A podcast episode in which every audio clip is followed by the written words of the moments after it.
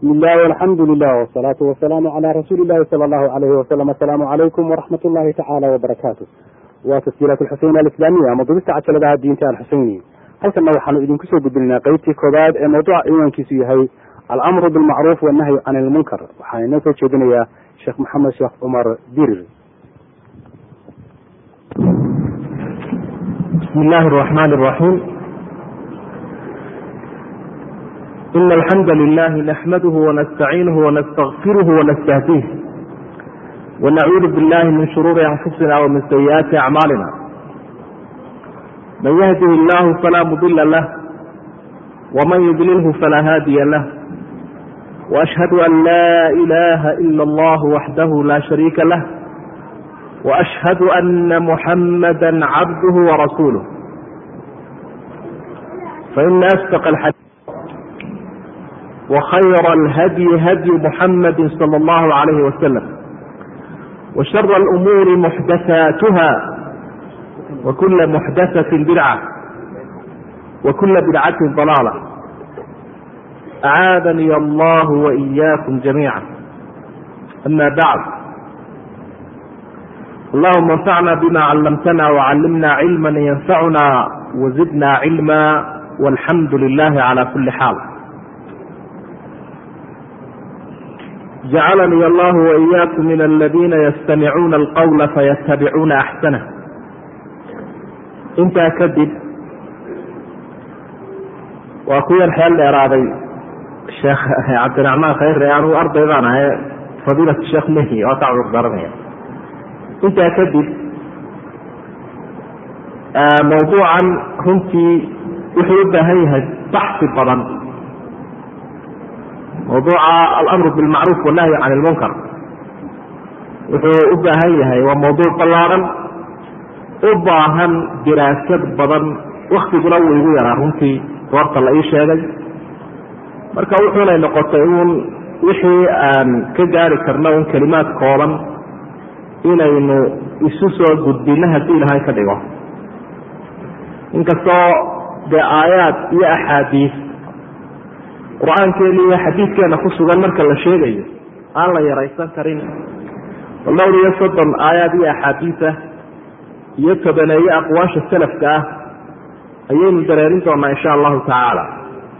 Marka taana waan uga cudur daaranayaa mawduucu diraasadii u baahnaa iyo iftiimintii iyo baxsintii waktiga oo yar daraaddeed inaanu jirin. Taas waa mid marka haddii xoogaa kelimaad koobana muddo saacad gudaheeda aynu ka sheegno insha allahu tacaala bal waxaynu wax ka odhan doonaa mabaaxistan soo socota almabaaxis alaatiya ama qodobadan koob koobane baabka xidhiirka la leh. Marka hore baabka in tilmaan aynu ka bixino tilmaan waxaynu ka hadlaynaa wuxuu yahay midka labaad oo ah xukumkiisa alawal tacriif. Marka labaad xukumkiisa inaynu hawshan u dhaqaaqno kalo xukunkeedu waa maxay? Fadligiisa baabkan isaga ah. Xikmadda ku jirta camalkan aynu ka hadlayno caawa. Calaa man yajib yaa lagu leeyahay camalkan inuu fuliyo ama hawshan uu qabto. Dadka hawshan qabanaya wanaagga dadka faraya xumaantana u diilaya iyo kuwa lagu fulinayo amaba wanaagga la farayo xumaantana loo diidaya qaybaha yeelanaya. Wa inkaaru lmunkar maca darajaati iyo darajooyinka uu yeelanayo marka munkarkiiyo xumaanta la diidayo wakadalik qofka uu hawshan qabanaya an ya'kuda dawra namuudajiya inuu noqdo qof isaga laftiisuna waxan ay dhab ka tahay marka qodobo sideedahoo meelahaasa ayaynu kelmado koob kooban haddii ilaahay ka dhiga ka odhan doonaa insha allah. Marka hore haddii xagga tacriifkiisa aynu u baydhno tilmaanta waxaa la yidhaahdaa alxukmu cala ashay farcun can tasawuri haddii shay wax laga sheegayo waa in marka hore isaga la tilmaamaa. Culimada mandiqa ayaa ka hadla tacriifka iyo tilmaantiisa waxay dhahdaan maa yaqtadii tasawuruhu tasawur almucarafi aw imtiyaazahu can gayri waa tacriifu tacriif. Waa shayga marka isaga la garto wixii la tilmaamayena la garan karo. Macruufka aynu ka hadli doonaa waa shayga uu sharcigu gartay. Shayga uu sharcigu wanaag iyo waajib u yaqaanaa macruuf la ydhaahdaa munkarka aynu ka hadlaynaana maa ankarahu sharcu shareecadeennu waa waxa ay diiday xaaraan iyo karaahiye ay ka dhigtay. Taa waxa aynu u leenahay haddii dadka maanta la dhex galoo la yidhaahdo maxaa macruufa maxaase munkar ah? Dadka qaarkood baa waxa macruufkee wanaagsan inoogu sheegi kara munkarka waxa munkarka ee xunna inoogu sheegi kara macruuf. Waa wax jiro weeye qaarkood ba haddaad tidhaahdo bal ka waran gabadhu inay dharka dhigato ama dhakada qaawiso ama inuu dee qofku balwadiisa iska burliyo noocyada kala duwana wuxuu ka odhan karaa dee waa reer magaalnimo qaar ba haddaad weydiiso ribada. De waa horumar dhaqaale buu ku leeyahy oo baananka iyo sharkadaha iyo dawladuhu dee ribo la'aanteed ma socdaa wakadalik khamriga haddaad qaar weydiiso waxay ka odhanayaan waa mashruubaad iyo cabitaan lagu diirsado waaya kadalik haddaad weydiiso wax yaabo diinteenna dhexdeeda macruufka oo inagu aynu waajib u naqaano wuxuu ka odhan karaa waa dhaqan carbeed. Iyo kaasi maaha wax wanaagsana waa dhaqan carbeed oo inaguna soomaali aynu nahay. Ayuu ka odhan karaa. Waa sida bada haddaad tiraa xijaabka ka waran wuxuu kuleeya de inagu garays baynu lahay noo dhaqankeenu dee gaar buu ahaaye. Kaa xagga carabti iyo waxaasaa laga keenaa. Gabadho jikeedaas almuhim haddii la yidhaahdo macruuf iyo munkar dadku ha miisaamo dee rabitaanadooda iyo aragtiyahooda iyo waxoodo dhan baa kala duwan. Laakiin inagu marka aynu baabkan ka hadlayno waa miisaanka shareecadda. Ayaa la saarayaa iyo diinteennu maxay macruuf u taqaanaa? Maxaase munkar loo yaqaanaa? Halkaasaa laga duulaya lidalik ayaa macruufka iyo wanaagga iyo samaha ka u weyni waa maxay? Waa xaqa ilaahay oo a tawxiidka tawxiid. Ullahi tacaala ilaahay oo xaqiisa la siiyo waa macruufka u weyn. Munkarka u weyni iyo xumaanta u weynina waa maxay? Waa shirkiga iyo gaalnimada iyo akbar alkabaa'ir marka halkaa aynu ka duulo macruuf iyo munkar aynu u aragno miisaanka shareecadda in lagu miisaamayo wixii sharcigu macruuf u yaqaano ee uu dhiiriye ee waajib uu ka dhig sunno ka dhigay inuu yahay macruuf. Wixii sharcigu xaaraan ka dhigay karaahiye ka dhigay daliil diinayaa ku soo arooreen loo dayriyey dadka. Kaasina inuu munkar yahay markaynu isla garanno waxba ku dheeraan mayne. Waxaynu u sii gudbi lahayn qodobada kaloo ah xukunkiisa baabkan baabkan xukunkiisu waa maxay? In camalkan isaga alla qabto oo aynu ku tallaabsanno bulshadeennu guud ahaan iyo gaar ahaanba ma waajibba ma sunna ilan fiqi ahaan baynu iyadana in aada loogu sii ega ay tahay oo la tartiibiyo. Baabkan isagaa waa waajib. Sunno maaha wanaagga in la isfaro xumaantana la isu diidaa. Sunno maaha waa waajib.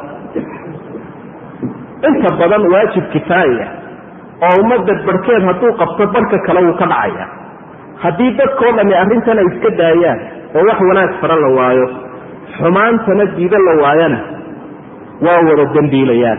Ilaahay maxkamadiisa uu soo taagayo xukumkaa waxaa tilmaamaya nusuustan amarku uu ka muuqdo iyo dhiirintu ilahay baa wuxuu aayad qur'aana ku yihi waltakun minkum umma yadcuuna ila alkhayr wayamuruuna bilmacruufi wayanhawna can ilmunkar waa macnaha dee sida cilmu lbalaaqa iyo cilmu naxwa macruufka ku amar wey waltakun minkum umma ummad ha laydinka helo ummadaasi intay doonaysaba ha la eegaata in hawshan fulin kartaa ha laydinka hela baa ilaha wy weliba kuma cayimin maamulkoo qura kumuu cayimin shacbigoo qura kuma gaar yeelin culimadoo qura.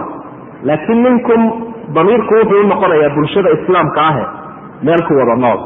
Ha laydinka hela baa ilahay leeya ummad khayrkana dadka ugu yaadha wanaaga fartaxmaha udiida ha laydinka helo wa amar wاlamru yaqtadi lwujuba ila an yujada saarif qawaacidda usuuligaa bay ka mid tahay qaacidada odhanaysa amar hadduu ilaahay ka yimaado waajibun buu noqdaa ilaa la helo daliil kale oo ka duwaya waajibnimada ah waajibkaasi sidiisaasuu ku socda marka labaad ilaahay baa ummadda la hadlay iyadoo nebi maxamed calayhi salaatu wasalaam guddiga uu yahay oo isagana uu ku halqabsaday hud ilcafwa wamur bilcurf waacrid can iljaahiliin hud ilcaf cafiska qaado oo curfiga iyo wanaaggana dadka far waxaa lagu farayaa inaad dadka farto wixii wanaagsane macruufa marka aayadda laftigeedu amar bay u taallaa amarkaasina waajib buu keenaya arrimihii ugu horreeye nabiga la calayhi salaatu wasalaam markii uu risaalada bilaabay ee ilaahay nuurkan oo caalamka u soo saaray nebi maxamed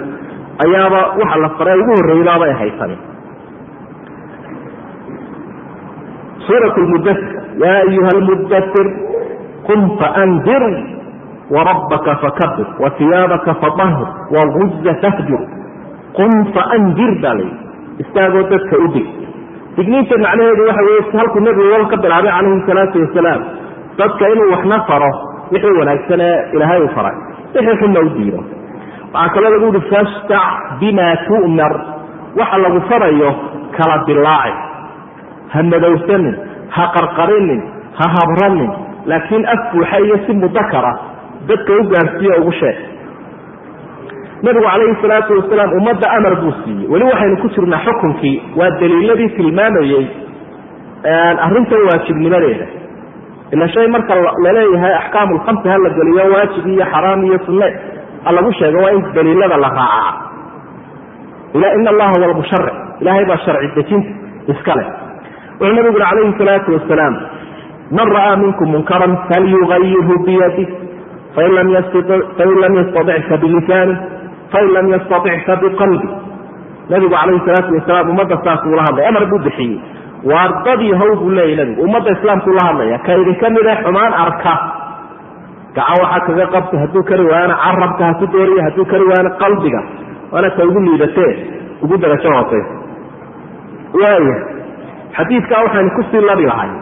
Xadiid kaloo xudayfa uu warinayo. Oo isaguna xasana. Nabigu calayhi salaatu wasalaam ummaddan buu la hadlaya markaasaa wuxu uhi waladii nafsii biyadi lataamuruuna bilmacruuf walatanhawunna cani lmunkar aw layuushikana allahu an yabcata calaykum ciqaaba min cindih uma tadcuunahu falaa yustajaabu lakum. Wuu dhaaranayaa nebigu had iyo jeerna rasuulku sala allahu calayh wasalam marka uu dhaaranayo waxa uu dhaartiisaasi ay muujinaysaa waa sida carabi ahaanna dee macruufka ah. Waa waxyaabaha mu'akidaadka wax wax lagu adkeeyo dhaartaa ugu sii sarraysa intaan xuruuf. Marka la sii dhaafo xuruufta tawkiid meelaha ugu dambeeyay ku jirtaa dhaarta. Marka arrinka uu soo wado muhimadiisuu dadka u muujinaya markaasaa wuxuu nebigu ku dhaartay ilaahay. Ilaaha naftaydu gacantiisa ay ku jirtaan ku dhaartay wanaagaydin isfari dad yahow. Xumaantana waydin isu diidi doontaan. Haddii kale ilaahay wuxuu u dhow yahay inuu ciqaab idinku sallido xaggiisa ka yimid oo markaasaydin in fara badan baryi markaasaa laydinka aqbali waayo. Laydinka aqbali waayo doona. Ciqaabku maaha oo kuwa kii ummadaha hore ku soo degayey ee cadaabka daruuraha lagu soo shabahayo dabaylaha kaasoo qura maaha laakiin ciqaabku waa noocyo badan yahay. Cadowgoo lagu sallidaa ciqaab noqon karta nasriga iyo guushoo kaa luma cisiga oo kaa daciifa. Ummadnimadaadii oo xumaata. Arsaaqadaadii oo ciirciir gasha. Gobonnimadaadii oo lunta. Iyo raxmaadkii ilaahay oo la waayo.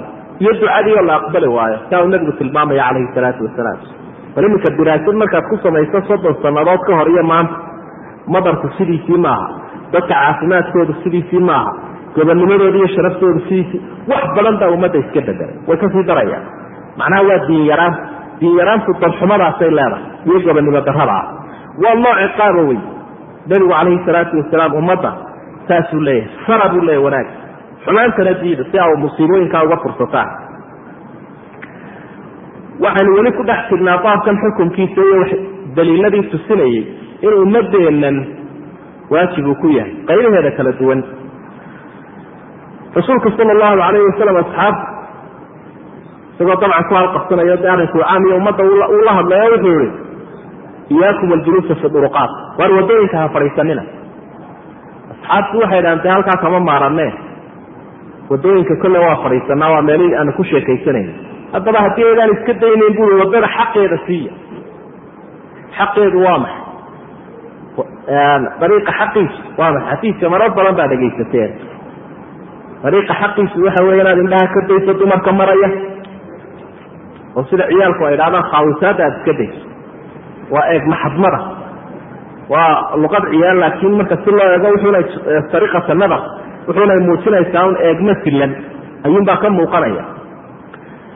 Waddada markaa fadhidaan deeta idin salaamaha karaahiyeysanina salaamta hadday idinku badato ha karaahiyeysanina dadka ka qaado salaamta oo waajibkaana gud wanaaggana fala haddaydaan intaa isu taagaynin oo intaa aydaan wada fulin karaynin buu nabigu calayhi salaatu wasalaam dariiqa iyo maqaaxida iyo fagaaraha iyo banaanka iska daaya marka amar buu bixiyey rasuulku sal allahu alay wasalam xadiidkaasoo muttafaqu caleyhi ee bukhaari iyo muslim ku sugan. Nusuusta aynu akrinay aayaad iyo axaadiistale waxay tilmaamaysaa oo aan laga shakiyeynin arrinkan aynu ka hadlayna inuu farad yahay. Aan ka gudubno on ka soconno fadliga baabkan. Baabkan isaga ah maxaa daliila tusinaya camalkaa isaga aynu isku dhiirinayno fadligiisa fadligoo laguu sheegaana waa shay xaafis oo xagga dambe kaa riixaya oo kugu abaabulaya oo kugu dhiiri gelinaya inaanad ka daalin oo aanad ka gaabsanin aada nafta duldhigto nusuustan aynu akrino marka hore ilaahay ummaddan si gaar u ammaanay oo ummadaha kaleo dhan ay kaga duwanta kuntum khayra ummatin ukrijat linnaasi. Maxaa ku xiga? Ta'muruuna bilmacruufi watanhawna cani lmunkar xataa watu'minuuna billah. Ilaahay baa rumaynaysa labadana ka soo horreeya iimaanka ummadda rifan iyo lisan baa ku dhaco wuu madhaa. Haddii ay wanaaggana isfari waayaan xumaantana ka siqsiqi waayaan. Saa darteed baa waa wixii iimaanka buurbuurayay ee dadka u badinayay. Markaasaa ilaahay uu ku ammaanay wanaaggaa isfartaan xumaantana waa isu diidaysaan. Sidaasaa ku noqoteen ummadaha waa qeyd iyo shardi. Marka khayrulumma ummadahoo dhan waxay ugu khayr badanaysaan in arrintaa laydinka helay. Waxaa kaloo ilaahay uu tilmaamay laba arrimood oo aada iyo aada u qiimo badan in lagu helo camalkan isaga ah oo wanaagoo la isfaray iyo xumaantoo la isu diido. Naxariista ilaahay inaad hesho iyo naxariista ummadda labadaba inaad hesho camalkana lagu helaa. Wamaa axwajanaa ilaa raxmat illaahi tacaala. Ilaahay naxariistiisa aynu u camal falayna oo aynu u ordaynaa oo habeen iyo maalinba aynu baryayna bal midnimada ummadda islaamka iyo quluubtooda oo isku xidhma iyo gacaltooyadooda oo jirta baabkan ay ku xidhanta intaba aayadda suuratu tawba ku sugan ayaa bayaaminaysa waalmu'minuuna waalmu'minaat bacduhum wliyaau bacd ya'muruuna bilmacruufi wayanhawna cani ilmunkar wayuqiimuuna asalaa wayuutuuna azakaa wayuiicuuna allaha warasuulah ulaa'ika sayarxamuhum allah muminiinta baa ilaha wy ragga iyo dumarka gaar aayadda markaad aayadda kale waxay tilmaamaysaa munaafiqiin. Laakiin mu'miniinta baa ilaha ui rag iyo dumar leh. Wuu isku cadfay ilahay qabaa'il ahaan uma sheegin. Dawlada uma qaybinin.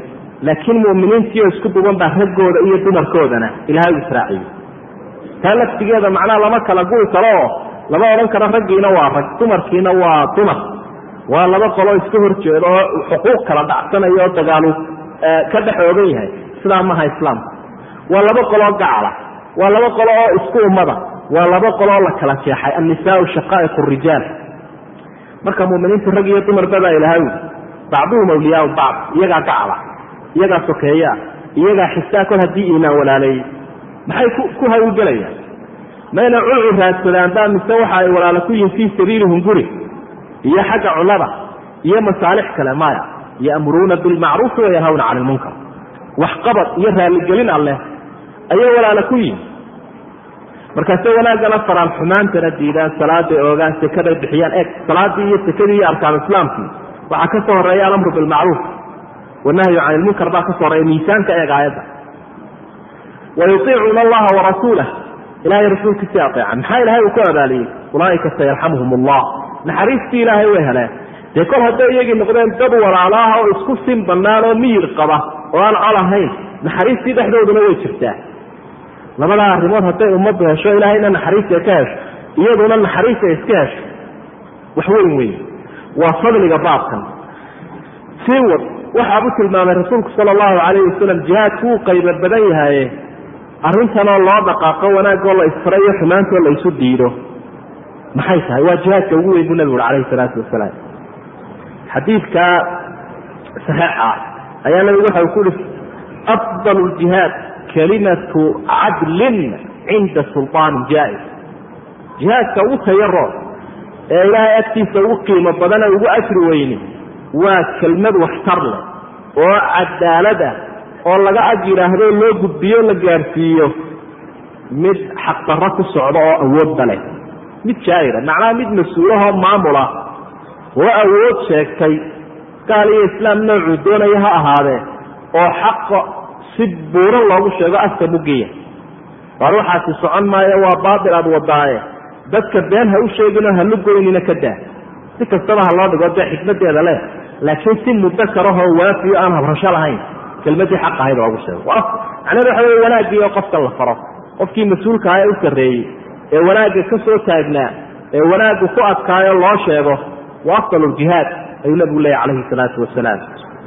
Waa meel ay dadku runtii ka habradaan waa meel ay ka dhowrsadaan waa dadka mas'uuliyiinta in fara badan bay dadku idhahdaan kollay maslaxadun baa kaaga xidhma intaan la gaarinba horta waxbuu ku yeelayo waxaa in badan baad tidhaahda armad bani kaaga xidhanta armad waxaa uga baahan tahay armad maalin markaasaa dabeedna qofku si uun uu u yaro foorursadaa marka laakiin qofkii saynu salafka ku arki doona iyo maqaaladooda markaynu soo gudbinayno taa nabigu kelmad jihaada buu ku tilmaamay rasuulku sala allahu calayhi wasalam waxaa loo arkayaa ama sharcigeenna markaynu eegno daliilkan soo socdaa uu inoo muujinayaa adiga oo wanaagga dadka u sheega walaalaha ummadda islaamka ee meesha kugu nool xumaantana u diida in ay tahay runtii adigoo wixii naftaada aad la jeclay iyagana la jeclaaday. Laa yuuminu axadukum xataa yuxiba liakhiihi maa yuxibuhu linafsi iimaan yeelan maayo qofku walaalkii ilaa ula jeclaado wuxuu naftiisa la jecelyahy wanaaggaa inaad samayso waad jeceshay xumaantaa inaad ka tagto waad jeceshay walaalkaana la jeclow waxa xadiidku uu ka warramaya maaha qura maa laysa siiyo.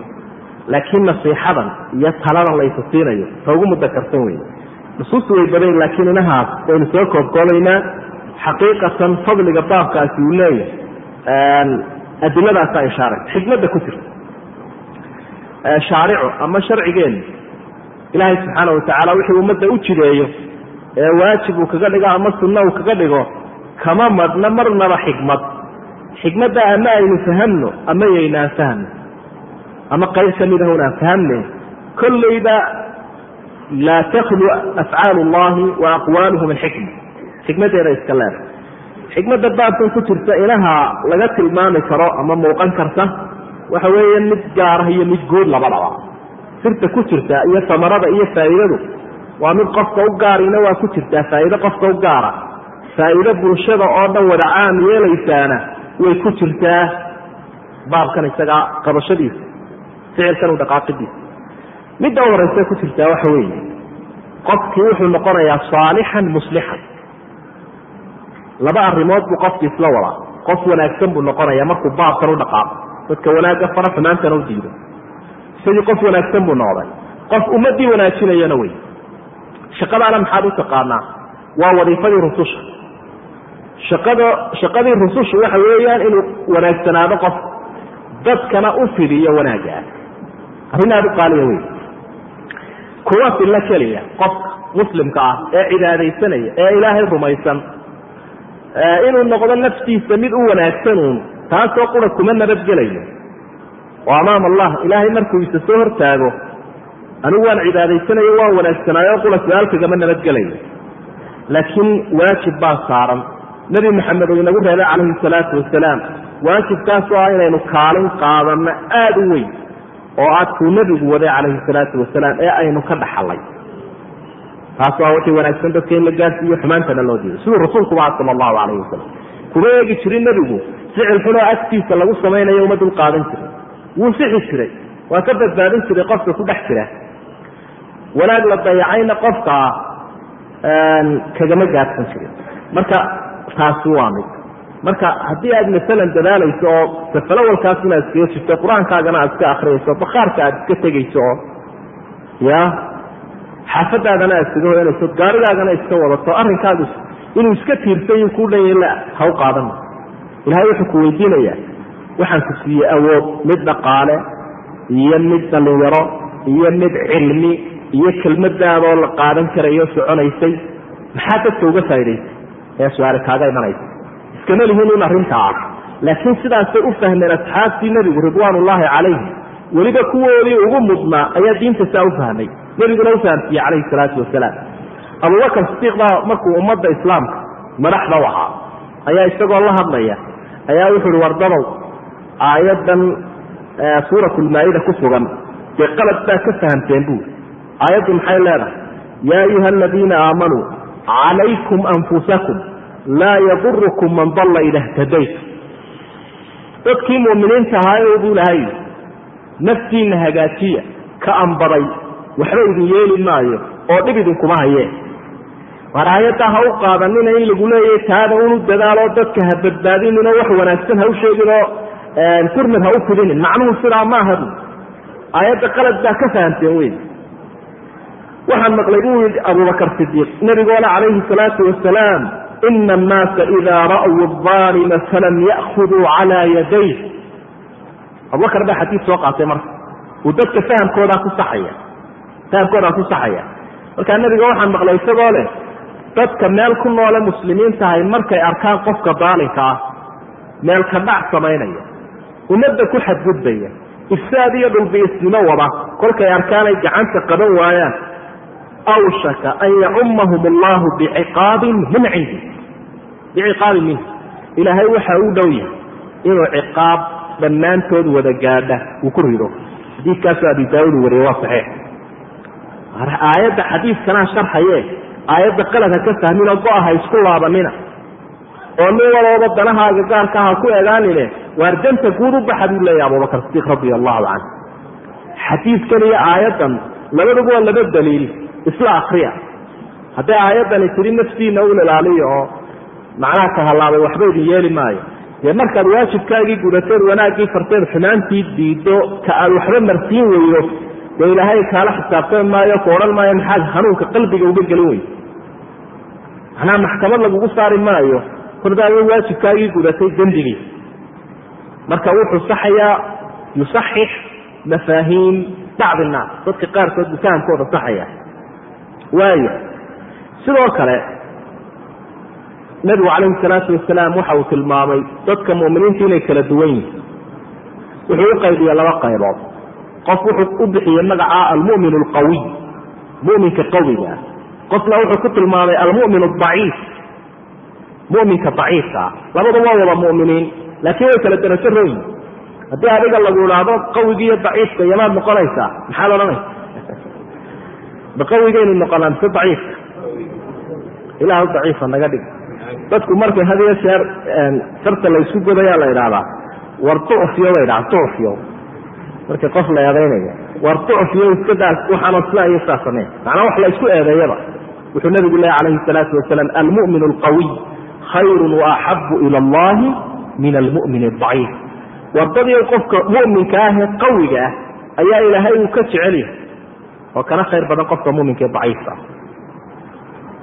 Marka qofka wanaagga faraya ee isxilqaama ee in mas'uuliyadi saaran tahay mas'uuliyaddii rususha saarnay isaguna dareemaya ee aan diintiisa iyo wanaaggiisa iyo alaabta qaaliga ah ee uu sida la habranaynin ee dadka gaadhsiinaya ku faanaya cisi ka raadinaya. Waa almumin alqawiy ka yidhaahda imikayna eedayn doonaa imika irhaad iyo gadle iyo walaad iyo wax lagu sheegi doonaa yaa iminku kuolan doonaa maxaa afaarahayga kugeliyay iyo shaqadayda? Oo hebelku canaanada warkaas mid wax loo sheega maaha inaga da qofka noocaa u habranaya ee dee sidaa madaxiisa u fooranayaana waa almumin daciif. Wallahi way iska badantahay taas. Waa badanta waaya inaga daha inagu dhaqdhaqaajinine aad bay u badanta taasina waa daciif.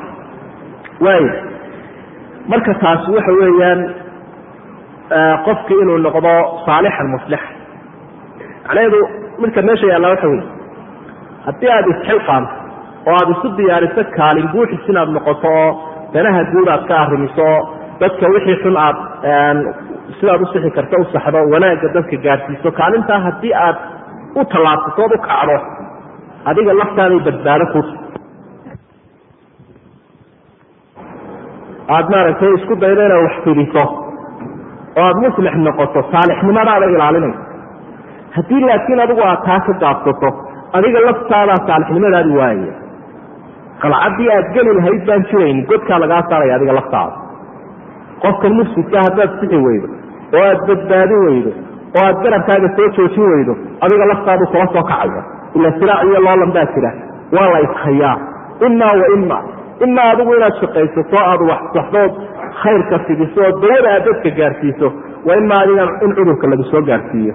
Oo aad saalixnimadaadi weydo so wax jira maa waa labadaas haddii shar iyo khayr ay iska horjeedaan haddii mufsidiin iyo muslixiin ay iska horjeedaan oo midi seexdo ka kala shaqeeyo bal ka waran kii kee seexday unbaa dee la duubixi waaya waxa weeyaan waa xikmadda ku jirta marka la sii si latiifa loosii eego baabkan.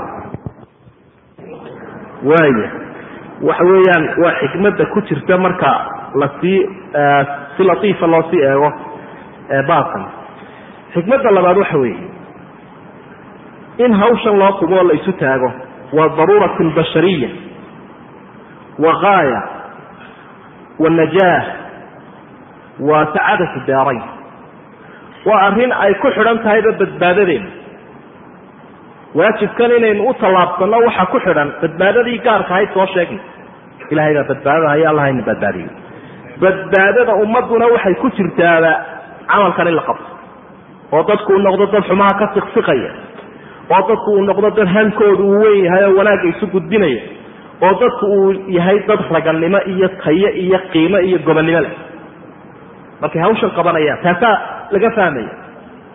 Intaasaa laga fahmaya. Marka taasay badbaadada ku jirtaa iskama lihin laakiin waxaynu u noqonaynaa dhaxalkeenna weyn iyo qur'aankeenna kariimka ah. Oo had iyo jeer markuu qur'aanku qisaska ummadaha ka warramayo waxyaabaha laga dhaxlayay ka mid tahay raadkii ay ku khasaareen iyo digadii ay galeen ay ku gubteen dadkaas inaynaan inaguna dib u gelin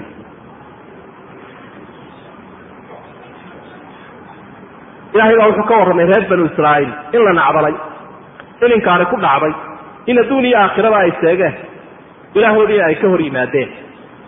Maxay intaasoo aafahay ku gaadhay? Halkanay dayaceen waajibkan iminka aynu ka hadlaynay dayaceen nabigaa sharxaya calayhi salaatu wasalaam waxa uu ihi ina awala maa dakhala annaqsu calaa bani israa'iil. Wardadii how reer banu israa'iil halkii balaayadu kaga kala qaadee ugu horraysay ay ka qodax qaateen waxay ahayd halkan soo socota oo ah qofka wanaagsane dadaalaya ama culimada ama madaxda ama wuxuu sheegayaa wuxuu soo marayaa qof xumaan samaynaya ama dad xumaan ku jiruu soo maraya. Markaasuu leeya ilaahay ka cabsoo waxaan iska daa. Kii baa diidaya odhanaya warna daayo na dhaaf. Maalinta labaad hadduu bataa ku celiyo maalin saddexaadda yakuunu qaciidahu wa akiilahu wa shariibahu maalinta saddexaad waxbuu iskala cunaya waxna wuu iskala cabaya waanu iskala fadhiisanaya. Waxaanu leeyahy dee kol haddaan waxba marsiin waayo dee ilaahay baa kala xisaabtanaya ama ilaahay baa xisaabinaya maxaynu islaama waa arrin noo camir waa kuwa wixii uu markaa waday buu iskala fadhiisto raalli buu ka noqday. Arrintu kolkay halkaa gaadhay cuqubo caamaa ku degtay ilaahayna wuu nacdalay sida suurat lmaa'ida ilahay uu ku tilmaamay.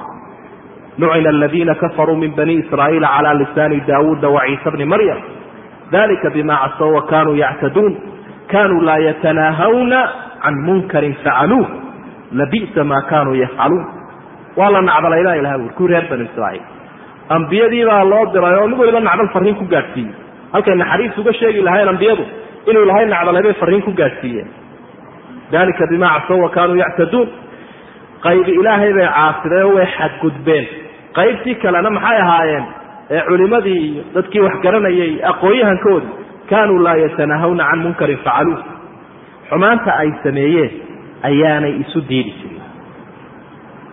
Aanay isumay diidi jirin. Way iska habradeen kuwii kalena. Wuxuu ilaahay ku sifeeyey iyagana labisa maa kaanuu yafcaluun waxay kuwan dambe aamusay sameeyeen baaba isaguna sii xumaaday. Waa fal baa ilaahay uu ku tiri iyaga laftigooda waxay faleen baa xumaaday.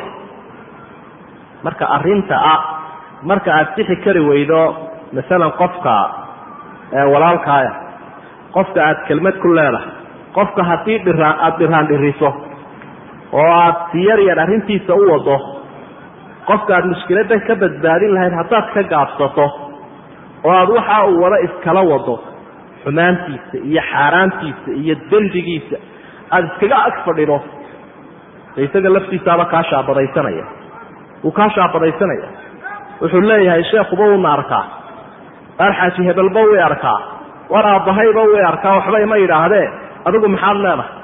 Ka u yimaadee maalin is idhaahdo waxu sheeg. Wuxuu leeyahy dadku ma keligaada waxan mabaanaan arki jirin be qaar buu ka shaabadaystay. Oo iyaga laftigoodu uu arkay inay waxan malaha raali kala yihiin. Waa cuqubada ay leedahay wy waa ummadan oo halaagsanto ku fasahaaday taa rasuulku sala allahu calayhi wasalam isaga oo taasoo kale ummaddan uga degaya ayaa nebigu waxau yihi markuu qisadaa sheegay aayaddaa aynu soo akrinayna isagaa soo daliishaday nebigu oo markuu xadiidkii sheegay buu aayaddanna daliishadu ku adkeeyey. Culamaa lbalaaqa waxay idhahdaan taxqiiq bay idhahdaan ama tadqiiq ama tawfiiq. Macnaha isbaatu daliili bidaliilin aakhar. Daliilkii oo daliil kale lagu sii sugo lagu sii adkeeyo markuu nebigu xadiidkaa sheegay halkii balaayadu ka raacday reer banu israa'iil ayuu aayaddan oo u markhaati furaysana ayuu sheegay nebigu calayhi salaatu wasalaam. Ummaddanuu markaa u soo jihaysay waxay kuwaasi ku halaagsameen inaan la dhex gelin markaasaa wuxuu ihi kalla wallahi lata'muruna bilmacruuf walatanhawunna cani lmunkar walata'khudunna calaa yadi aalim walata'durunahu cala alxaqi abran walataksurunahu cala alxaqi qasran aw layadribana allahu biquluubi bacdikum calaa bacdin uma yalcanukum kama lacanahu aw kama qaala calayhi salaatu wasalaam intuu dhaartay nebigu ayaa wuxu uhi wanaagga idin isfari xumaantana wa idin isu diidi o qofka baalinka ah ee gebgeblaha ee mufsidka ee dhulbiiska ah gacantiisa idin qaban xaqa idinku joojin laba jeer buu nebigu ku celinaya xaqa idinku hakin wuu boodsan yahay oo balaaya wadatee xarkaha idinu qabanoo markaasa idin joojin doonta. Haddaad sidaa yeeli weydaan qalbigiinu ilaahay isku garaaci. Kolkaasuu idin nacdali doonaa reer banu israa'iil siduu u nacdalay. Saasuu nebigu uri calayhi salaatu wasalaam. Qalbigaa la isku garaacaya macnaheedu waa maxay? Tawfiiqdii heshiiskunbaa ilaahay dadkan ka qaadaya. Dabeetana iyagoo isku luqad ku hadlaya turjumaan u baahanaya. La moodo inuu kani afjayno isku hadlayo kan kalena luqad kale uu ku hadlayo miyaynaan marar badan turjumaan u baahnayn. Dad baa isu imanaya o isku guddi bay yihiino ama waa isku xisbi ama waa isku qabiilo. Ismana afgaranayaan intaa waxbaa la isu yarjiibinaya marka la kala dhaqaaqo. Ewel muxuu yidhi saa umaan jeedin waxaasaa bilaabmaya. Qalbigiina la isku garaacaya. Tawfiiqdii heshiiskaa ilahay idinka luminaya. Markaas idin kooxa isu qabsanaysaan markaas idin qabaa'il isu laynaysaan waxa islaam dadka muslimiinta haysta wey ilaahay naga nabadgeliya nacdalna uu sheegay nebigu calayhi salaatu wasalaam. Reer banu israa'iil dee khalqiga ilaahay bay ka mid ahaayeen. Khalqiga ilaahay geelna kamay laynin arina kamay laynin addoonnimadiisii unbay diideen. Ilahay iyo dadka abtirsiima kama dhaxayse inay addoommo u yihiin baa ka dhaxaysa ka addoommada addoonnimada diida. Ee ilaahay inuu ka tala qaato diida. Ee ilaahay ku gacan saydha ilaah waxa aad sheegaysa layguma hadleeyo kaydhaaba. Ila saasay ka dhigan tahay nacdashii kuwaa ku dhacday ayuunbaa ku dhacay allah inaga nabadgeliy saasuu nebigu leey calayhi salaatu wasalaam cidda uu kaaful khitaabka kula hadlayo ee uu leeyay uma yalcanukum idinku idin nacdalaya ciduu nebigu leeyay maha reer bani waa ummadda nacdasha ilaahay baa lagaga fakanaya baabkana loo qumoo la isu taago waaya wuu ka sii waday rasuulku sala allahu calayhi wasalam wuxuu tilmaamay cudurkan reer banu israa'iil ku dhacay inuu ummadana ku dhici doono waxa ilaahay u sii sheegay cudurkiioo ku dhacay oo dabeetana dhimbiilihiisii duulduulayaan oo dadkii wada gaadheen ayaa la tusiyey nebiga calayhi salaatu wasalaam. Waxay leedahay xaaskiisii zaynaba bintu jaxsh wakti waktiyada ka mida buu rasuulku iisoo galay sala allahu calayh wasalam isagoo fazican argagaxsan ayuu iisoo galay. Wuxuu leey laa ilaaha ila allah fawaylu lilcarabi min sharin qad iqtarab allahu le waa tacajub buu isticmaalaya waa shahaatay nebigu markaasaa wuxuu leeya carab halaag baa ku dhacay. Halaag ayaa ku dhacay. Nimankii yajuuj iyo maajuuj ayaa in yaroo daloola laga soo furay meeshii haysa culimada qaarkood baa waxay leeyihiin yajuujka iyo maajuujkaas dee armay ahaayeen kuwii tataarka la odhan jiray mangoriska nimanka loo yaqaan ee lix boqolaadkii taariikhda islaamka. Soo jiiday dadka muslimiinta. Labada milyane qof dilay. Maydkii cuduradii ka dilaacayna ay ku dileen dad fara badan ilaa ardu shaam iyaguna ay ku dileen. Macnaha cuduradii ka faafay baa ummado dhan bilaayay ummaddaa tataarka ah oo dadka ay dhibaatada u badan gaadhsiiyeen islaamka weliba carabtii ay u sii badnayd arbay ku waayihiin si kastaba ha waxaynu uga jeednaa xadiidka saxaabiyadani rasuulka su'aal bay weydiistay iyadoo ahayd qof caqli badan oo faqiihada waxay tidhi anuhlaku wa fiina saalixuun oo miyaana la halaagaya iyadoo dad wanaagsani ay nagu dhex jiraan. Dad wanaagsani iyaday jiraan oo dee ummadi xumaan kama simantee miyaana la halaagaya nebigu wuxu uhi calayhi salaatu wasalaam nacam idaa kasura alkhabr dadxunku kolkuu bato. Kolka dadka rabbaaniyiintii ay yaraadaan ee nooca dadxunka ahi uu bato. Waa laydin halaagi buu nebigu uhi calayhi salaatu wasalaam. Xadiidku waa muttafaqu caleyh bukhaari iyo muslim buu ku sugan yahay bal iminka dadka saawe caalamka saawe meel walood joogtaba sidaawe. Qad yakfuru wa yakfuru alkhabar. Dadxunkii baa fara badan. Adduunyadoo dhan baa dadxunku suuqu ku leeyahy dadka wanaagsanina khariib bay noqdeen. Iyo wax lala yaabayo si tacajuba loo eegayo ayay noqdeen runtii. Waa xaqiiqa jirta wey ilahay baa wattaquu fitnatan laa tusiibana aladiina dalamuu minkum khaasa waar balaayo aan kuwa sameeyey oo qura aafadeedu ku dhacaynin iska ilaaliya. Macnaha dhimbiilaha ka duulaya hadihi alfitan wa hadihi almacaasi tarmi bisharaf. Dhimbiilaysaa u sii daynaysaa macsiyada iyo islaamka la samaynaya. Haddii wax baktiyo la joojiyo joojiyo la waayo dee waa la wada gubanaya waayo. Waxaa markaa uu rasuulku tilmaamay sala allahu calayhi wasalam waktigaa marka la joogo dadku inaanu isdhaamayn dadka intii guddigaha u ahayd ama intii duqda u ahayd ee hormuudka u noqon lahayd mas'uuliintii iyo culimadii iyo siiba mas'uuliintii ayaa noqonaya hogaanka fur. Macnaha wax bilaa khayr ayay noqonayaan raciyadiina way ku darmaysaa. Kolkaasa la isla wada halaagsanaya. Xadiidka kale umu salama warinaysa wuxuu nabigu uhi inahu yustacmalu calaykum umara fatacrifuuna watunkiruun waa dad madaxaba idin soo mari doona ummadda islaamka haddaad tihiin. Markaasa idin mararka qaarkood wax wanaagsan ku arki mararna waxunba idinku arki doontaan faman kariha faqad baria waman ankara faqad salima walakin man radiya wataabac uu nabigu le calayhi salaatu wasalaam. Waa kuwaa dadxunka ee madaxda muslimiinta noqonaya qofka ka beri noqda. Intuu qawl iyo ficil waxba ku qaban kari waayo ilaahay ka beridaana layguma hadleeyo kuma jiro. Qofka ka beri noqdo kuwaa xumaantooda. Wuu nabadgeli qofka karaahiyeysaa wuu nabadgeli. Shaygaa isagaa ka diida. Ee u suurowdo qowl inuu ku diido isaguna wuu nabadgeli. Laakiin qofka ka raalli noqda u jiibiya nacamla bilaa khayra ka noqda kaasi halaagsamay buu nabigu leh calayhi salaatu wasalaam waa dadkii dadka badbaadin lahay asxaabtu waxay idhahdeen oo miyaanaan la dagaalamayn? Macnaha waxaa u muuqatay ka noocaasi wax la eegan kara inaanu ahayn kolkaasuu nebigu waxa uhi laa maa aqaamuu fiikum asalaa intay salaada idiin oogayaan bal iska daaya bal iska daaya buu nebigu uhi calayhi salaatu wasalaam qaydkaasuu ku xidhay salaada khatar caliim waaya bulshadii guud ahaanteeduu ka sii dayriyey nebigu calayhi salaatu wasalaam markaasaa wuxuu uhi maa min nabiyin bacaahu allahu fii ummatin qabli ila kana lahu fii ummatii xawaariyuuna waasxaabun yaakuduuna bisunatii wayaqtaduuna biamri uma inaha takhlufu min bacdihim khuluufun yaquluuna ma laa yafcaluun wayafcaluuna ma laa yu'maruun faman jahadahum biyadihi fahuwa mumin waman jahadahum biqalbihi fahuwa mumin waman jahadahum bilisaanihi fahuwa mumin walaysa waraءa dalika min iimaan xabatu arda min aliimaani xabatu qard nebi walba markuu ilaahay ummadiisa soo diro qaar taageerayaalo xawaari ansaara ayaa jiray ummadayda buu nebigu uri calayhi salaatu wasalaam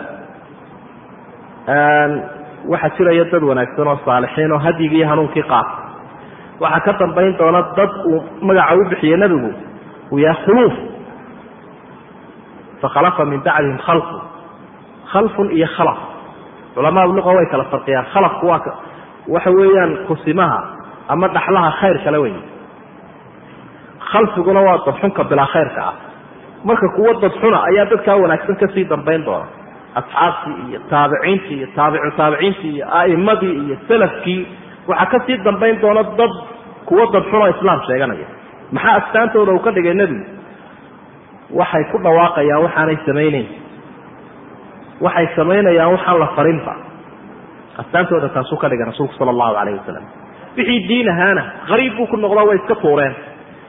Waxaan diin ahayna agtooda suuq buu ka leeyahy oo mano kaloo shisheeye laga keenay markaa nebigu wuxuu tilmaamay qofka gacan kula dagaalama inuu mumin yahay ka carab kula dagaalama inuu mumin yahay ka qalbigiisa kala dagaalama inuu mumin yahay.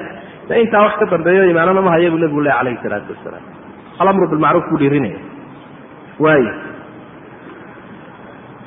waxaynu wadnay markaa xikmaddii baabkan ku jirta iyo sirtii. Wuu sii iftiimiyey. Macnaa sar waaweyn buu inoogu qoraya rasuulku sala allahu calayhi wasalam oo aad wax ku sii garan karto wuxuu tilmaamay ummadda islaamka ama ummadda caalamkaba inay wada saaran tahay dooni. Xadiidkaas in badan kutubta iyadoo laga akriyaya aada maqasho oon sharax badan iga baahnayn. Istidlaalka un mooyaane mahalu lqaa'imi fii xuduud illahi waalwaaqici fiiha. Ka mahali qawmi istahamuu safiir qofka xuduudda ilaahay qaa'imka ku ah siduu imaamu nawowi ku sharxaya raximahullah waxa weeye qofka wanaagga faraya xumaantana diidaya iyo ka aan intaa madaxnaba u qaadine aanay shaqadiisa ahayn. Labadaa qolo waxay ka dhigan yihiin qolo dooni laba khan leh soo fuulay. Qolo xagga sare qolona xagga hoose. Kow ee isqabsi baa meeshii ka bilaabay. Durbo mufsidkiibaa weerarkiisii bilaabay. Markaasuu leeyahay qoladii xagga hoosea waxay leedahay war dee biyaha marka aynu doonayno kuwa kore aynu sii marnaaye maynu halkan un daloolino xadiidka macnihiisa waraysa almuhim maynu halkan u daloolin. Qoladan sare hadday yidhahdaan war meesha way dunaysaa ka daaya way nabadgeli doonaan. Hadday yidhahdaan maxaa inaga galay? Sidaynu in fara badan u maqallo maxaa inaga galay? Iyo inaga daa iyo isaga lee waayo hadday arrintu halkaa marayso dee uu mid baa intuu baashii qaado fujin doono waa laisla wada halaagsami doonaa. Doonidaas muuqaalkeeda waa maxay? Waa masaajidkan ayn joogno kale. Ee dhowrka dabaqa hadduu iminka qaar ka bilaabaan xaggan kore dubayaal ka war dubayaashaynu masaajidka ku duminoo kale hadday ku garaacaan. Ama uu yaraan daaqadaha muraayadaha ay jabiyaan dee waxba la dhegaysan maayo intoo wada kacdaan baa layidhi nimanka inaga qab kadalik doonida ka soo qaad magaaladaynu ku nool lahay oo kale. Doonida ka soo qaad waddankaynu ku nool lahay oo kale. Doonida ka soo qaad kii yaro fidiyo adduunyadao dhan isla wada doonidaa waayo doonida markaa bahalka lagu fujinaya muxuu noqon karaa? Waa almacaas dubayaasha doonida daldaloolinaya diiqdiiqaya waa macaasida. Marka halkaa laga furo guri dumar ku sinaysanayaan dub baa lagu dhuftay doonidii aynu fuushanay marka bahal kaloo khamri laga furo halkaa dubbo kalaa lagu dhuftay. Marka kuwii corruptionka iyo laaluushka iyo ribada ururinayay ay iyaguna wadaan mid ka sii daran bay ku dhufteen. Waa laga joojin waayo soo maaha dhan walba way ka diiqmaysa waa xaqiiqo jirta wey dubayaasha hamoodin mid meelahan uu nijaar ka soo qaadanayo. Laakiin waxaa ka nijaarahoo bahashaa diiqaya oo daloolinaya dadka mufsidiinta ah ee xaqoodii ku tacadiyey ee xaqii ummadda ku tacadiyaya ee xaqii ilaahay ku tacadiyey ee cadaaladda ka tegay kuwaa weeye kuwa doonida duminaya dubayaasha sitaan haddii la iska eegtana baashaasi way dalooshamaysa daldaloolkooduna waxa weeye aafaadkii aynu ka soo warramayno ee ummadda islaamka ku dhacayay ee adduun iyo aakhiraba ay ku seegayeen aafaadkeeduna dahara alfasaadu fi lbari walbaxri bima kasabat aydi nnaas liyudiiqahum bacd aladii camiluu alfasaad fi lbari walbaxri bad iyo balaaya ka muuqatay dadku waxay sameeyeen dubayaashay garaacayaan daraaddeed ayaa bad iyo balaaya ka soo baxay almuhim waxaa halkaa intaasoo nasa aynu ku muujinaynaa baabkan oo aynu u dhaqaaqno iyo waajibkan aynu isu taagno in badbaadadeenu ku jirto iyadoo aynu go-a isku laabanno aynu ka seexanana sidaa uu rasuulku tilmaamay sala allahu calayhi wasalam halaagga ummaddanaa ku jira. Ilah waana halaagi waaya xadiidkaas bukhaari buu ku suganya aynu goorta akhriyeynay. Raawigiisuna waa nucmaan ibnu bashiir radia allahu canhu. Yuu ku waajibaya aan iska soo gaabin wuxuu ku waajibayaa qof kasta oo muslimahoo hawshan qaban karaa. Qof kasta oo muslimahoo hawshan qaban karaa.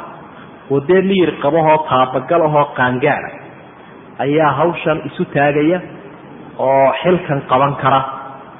Ile qofba inbuu qaban karaa. Waayahay aan sii soconno qofka haddaba waajibkan qabanaya waa inuu yahay qof namuudaj oo wanaagga marka la isfarayo xumaantana la isu diidayo qowlna wuu noqon karaa ficilna wuu noqon karaa.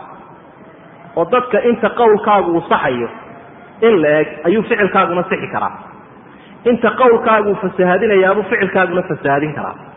Si kale haddii aynu udhigno qofka wanaagga dadka faraya xumaantana u diidaya. Waa inuu isagu wanaagga hormuud ku yahay. Xumaantana aada uga fog yahay. Ma la fahmaysaa waaya arrintaasi waa arrin aada u muhiima qofka madaxda qofka culimada qofka suldaanka qofka xaajiga qofka dhallinyarada ka dumarkaa meyntiiba waa lagu leeyahay mid waliba waa inuu waajibkan isu diyaariyaa inuu dadka gaadhsiiyo wanaagga xumaantana u diido isaguna tusaale ku yahay. Cabdillahi bn cabaas radia allahu canhuma ayaa nin uu yihi bal waxaan doonaya inaan dadka wanaagga u sheego xumaantana u diido oon hawshaa qabto. Wuxuu yihi aadqabadsiba way fiican tahaye isku day saddex aayadood oo qur'aanka kariimkaa ku sugan inaanad ku fashilmin. Saddexdaa aayadood haddaad ka dabaalan karayso aad ku camalfali karayso oo aanad ku fadeexadoobaynin arrintan waad qaban karaysa inaad wanaag farto xumaanna diido.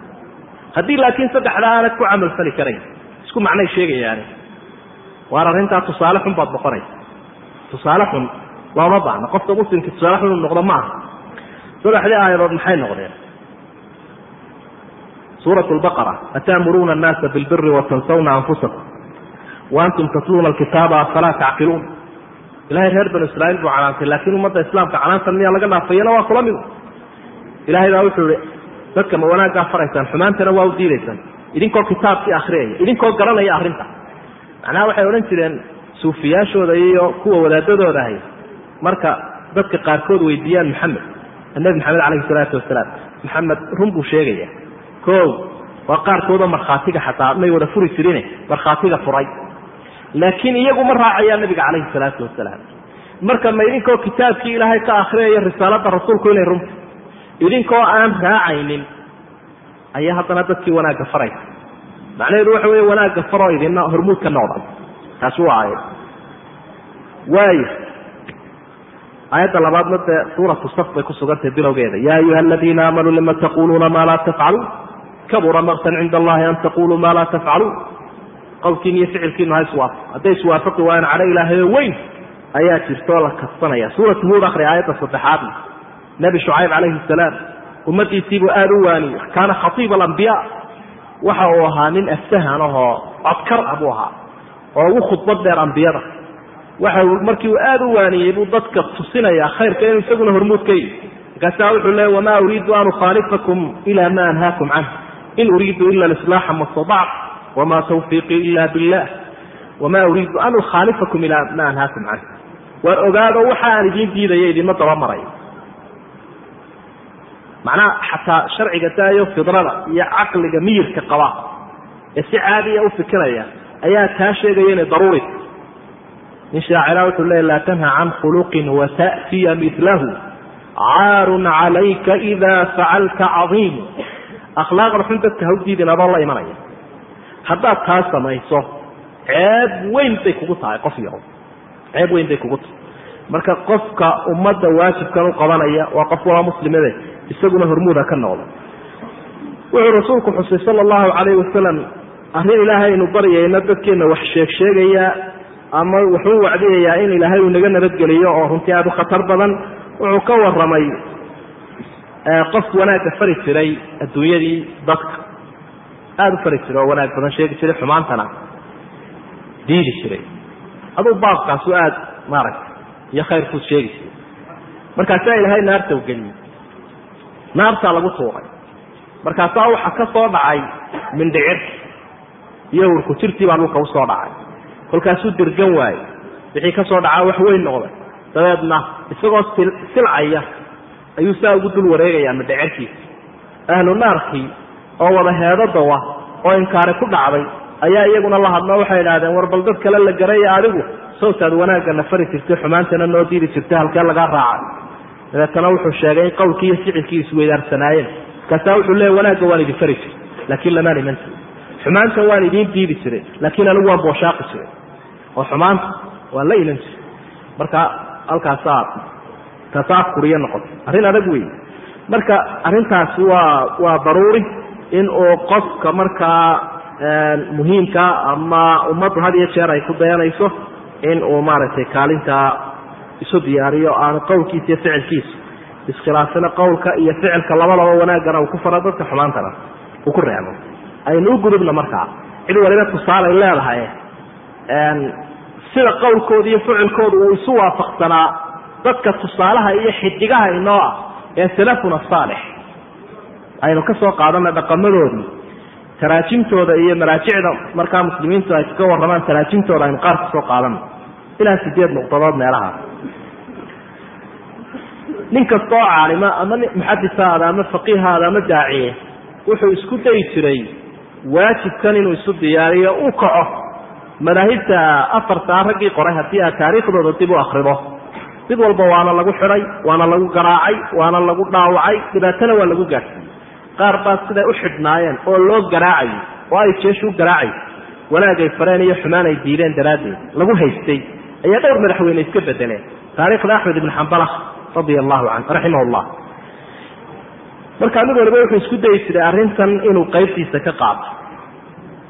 Waaya asxaabtii aan ka bilowno sacd bnu mucaad saxaabiga la odhan jiray oo ka mid ahaa salaatiintii waaweyney labadii suldaan ugu waaweyne ansaarta ilaahay wuxuu gacantiisa ku islaamiyey muscab ibnu cumayr aabbihii waxbarashada islaamka ee madiina weeye muscab ibnu cumayr radia allahu canh waxa waa shaksiyad daaciya dadka wanaaggana fara xumaantana u diida. Markaasuu dowladda islaamku halkii ay cagadhigaysa ayuu dadka aqoontoodii iyo iimaankoodiibu kor u soo qaado. Uu nebiga u sii gogol dhigay calayhi salaatu wasalaam. Raggu soo islaamiye waxaa ka mid ahaa suldaankaa weyn sacd ibnu mucaad odhanaya sacad markii uu islaamay ee uu dhadhamiyey iimaanka iyo macaankiisa ayuu dareemay arrinkani inaanu mudnayn in lagaga bakaylo tolkii dabeedna maratuur buu noqday. Uu gow maaragtay aada u lulay kolkaasaa tolkiibuu isdhex taagay. Waxaa la odhan jiray reer bani cabdilashal atalinoga bahayay maanta markaasaa wuxuu ihi kayfa taclamuuna amrii fiikum? Walyaalaha reer bani cabdilashal haddaad tihiin maxay igu taqaaneen? Waxay idhahaan waxaanu kugu naqaanay sayidanaa fadlan wa aymanunaa naqiya. Dee ninka noogu mudakarsan ee noogu hormuudsan baanu kugu naqaanay kolkaasaa wuxuu leeyahay haddaba haddii taasi jirto fa ina kalaamakum calaya xaraam. Rijaalakum wa nisaakum xataa tuuminuu billahi warasuuli saacaddaa laga bilaabo bu hadalka aan idinla hadlaa xaaraan buu ayuu idinka ayuu iga yahay. Inaan idinla hadlaa xaaraan bay iga tahay jeero ilaahay iyo rasuulkiisa rumaysaan ninkaas waxa uu ku dhaar ma maqli jirta inay ilaahay rumeeyaan buu ku dhaar daartaasaa dee la rumaysay soomaalida malaa ilaa xilafur la raaciyo. Ma aaminsanabe wallahaasuu maree wuxuu ihi inaanan wax hadal inoo kala bixin ilaa nebi maxamed ilaahay rasuulkiisa rumaysaan ayaa hadalkiinu iga xaraamay sidii ay u dhammaayeen qabiiladii dhammayd way soo islaadeen. Intoo la sheegay baa la dee suldaankii kol hadduu halkaa dubbaha ku dhuftay meel loo dhaafo miyaa garanay maya. Isagiina soo hormuud inooguma aha. Meeluna wada marno. Suldaamada wax badan baa taa looga baahan yahay. Markay reer hebel intay shiraan ay baatil isku go'aankoodu baatil noqdo. Dabeetana adigoo suldaanahoo ka jeermaana ay ku idhahdaan noo saxeex guddidii reerka ko ee tidhaahda mee ka daaya diintay khilaafsan tahay oo dadnimadana kuma wanaagsano ummadda kale nala deganna dulmi bay ku tahay ee ay ku idhahdaan war adigu reerka dantiisa miyaad ka soo horjeedaa? Danta reerka miyaad miyaadaan reer hebel guddoonkooda un haynaa so guddoonkuun mali waar guddoonkaanu haynaa sidiinaa maaha waa sidaynaa waa inu idhaahdo sidiinaa ma aha sidiinaas waa baatil. Sidiinaa ilaahay ummaddaba waa la isku seegayaa sidaas weeye ama qaata ama diida waa qaadanaysa waa inu idhahdo taasa cadoo kalea looga baahan yahay. Waayo sidoo kale salafu saalix baabkan isaga calaa xisaabi kaanuu laa yujaamiluun. Mujaamalo may gelin jirin iyo warwareeg toona. Laakiin si cad oo mudakara ayay isugu sheegi jireen wanaaggan in la xumaantana la isu diido. Cumar ibn khadaab radia allahu canhu ayaa maalin maalmaha ka mida waxa u soo galay. Saaxiibkiisii qaaliga ahaa ee mujaahidka ahaa ee khaalid bin waliid sayf ullahi lmasnuur wuxuu xidhan yahay mara xariira. Si kastaba arrintu ha uga dhacdo. O khaalid cumar baa su'aalo wuxu wartani maxay ahayd? Wuxuu ihi dee waa xariir soo maaha si cabdiraxmaan bin cawf ku xidhaa buuri waar miyaan xariir ahayn? Mee waa xariir. De khaalidna gadaal buu wakti dambu de waa ki islaamay.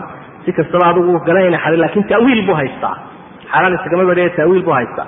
Markaasuu i de waa ka cabdiraxmaan bin cawf ka xidha. Ama hadduu muuqdana waa kaa cabdiraxmaan bin cawf ka xidha. Cumar wuxuu warna cabdiraxmaan baad ku dayanaysa cabdiraxmaanna cadho baashan cadhada la idhaahdo ayaa ku dhacday oo xariirta ayaa u dawaa cudurdaar buu haysta ma cabdiraxmaan baaba ku dayatay buui intii meesha joogtay buui waxaa idinku dhaariyey nin walowba marada khaalid halkaad ka soo gaadho ka rif buui marada ninba in yar buu goostay. Sidii baa khaalid lagaga rif khaalidna muu xanaaqin dee wuxuu garanayaa dadkan inay dantiisa wadaan oo aanay ku duulaynin ee diintiisa ay u saxaya waa sida imaamu dahabi siyaro aclaami nubala jiska koobaad uu ku soo naqilay